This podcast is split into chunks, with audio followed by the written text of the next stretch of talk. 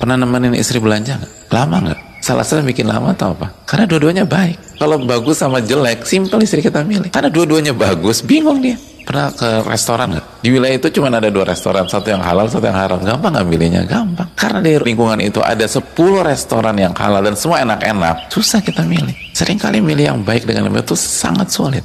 Makanya kata para ulama, bukanlah seorang ulama orang yang hanya mengetahui ini baik dan ini buruk. Namun ulama yang sejati adalah orang yang apabila dihadapkan dengan dua kebaikan, dia bisa memilih kebaikan yang paling besar maslahatnya. Walaupun dia harus kehilangan kebaikan yang kedua. Dan kalau dia dihadapkan dengan dua keburukan, dia bisa melihat keburukan yang paling ringan walaupun harus terjatuh ke keburukan yang lebih kecil. Itu alim yang sejati kata para.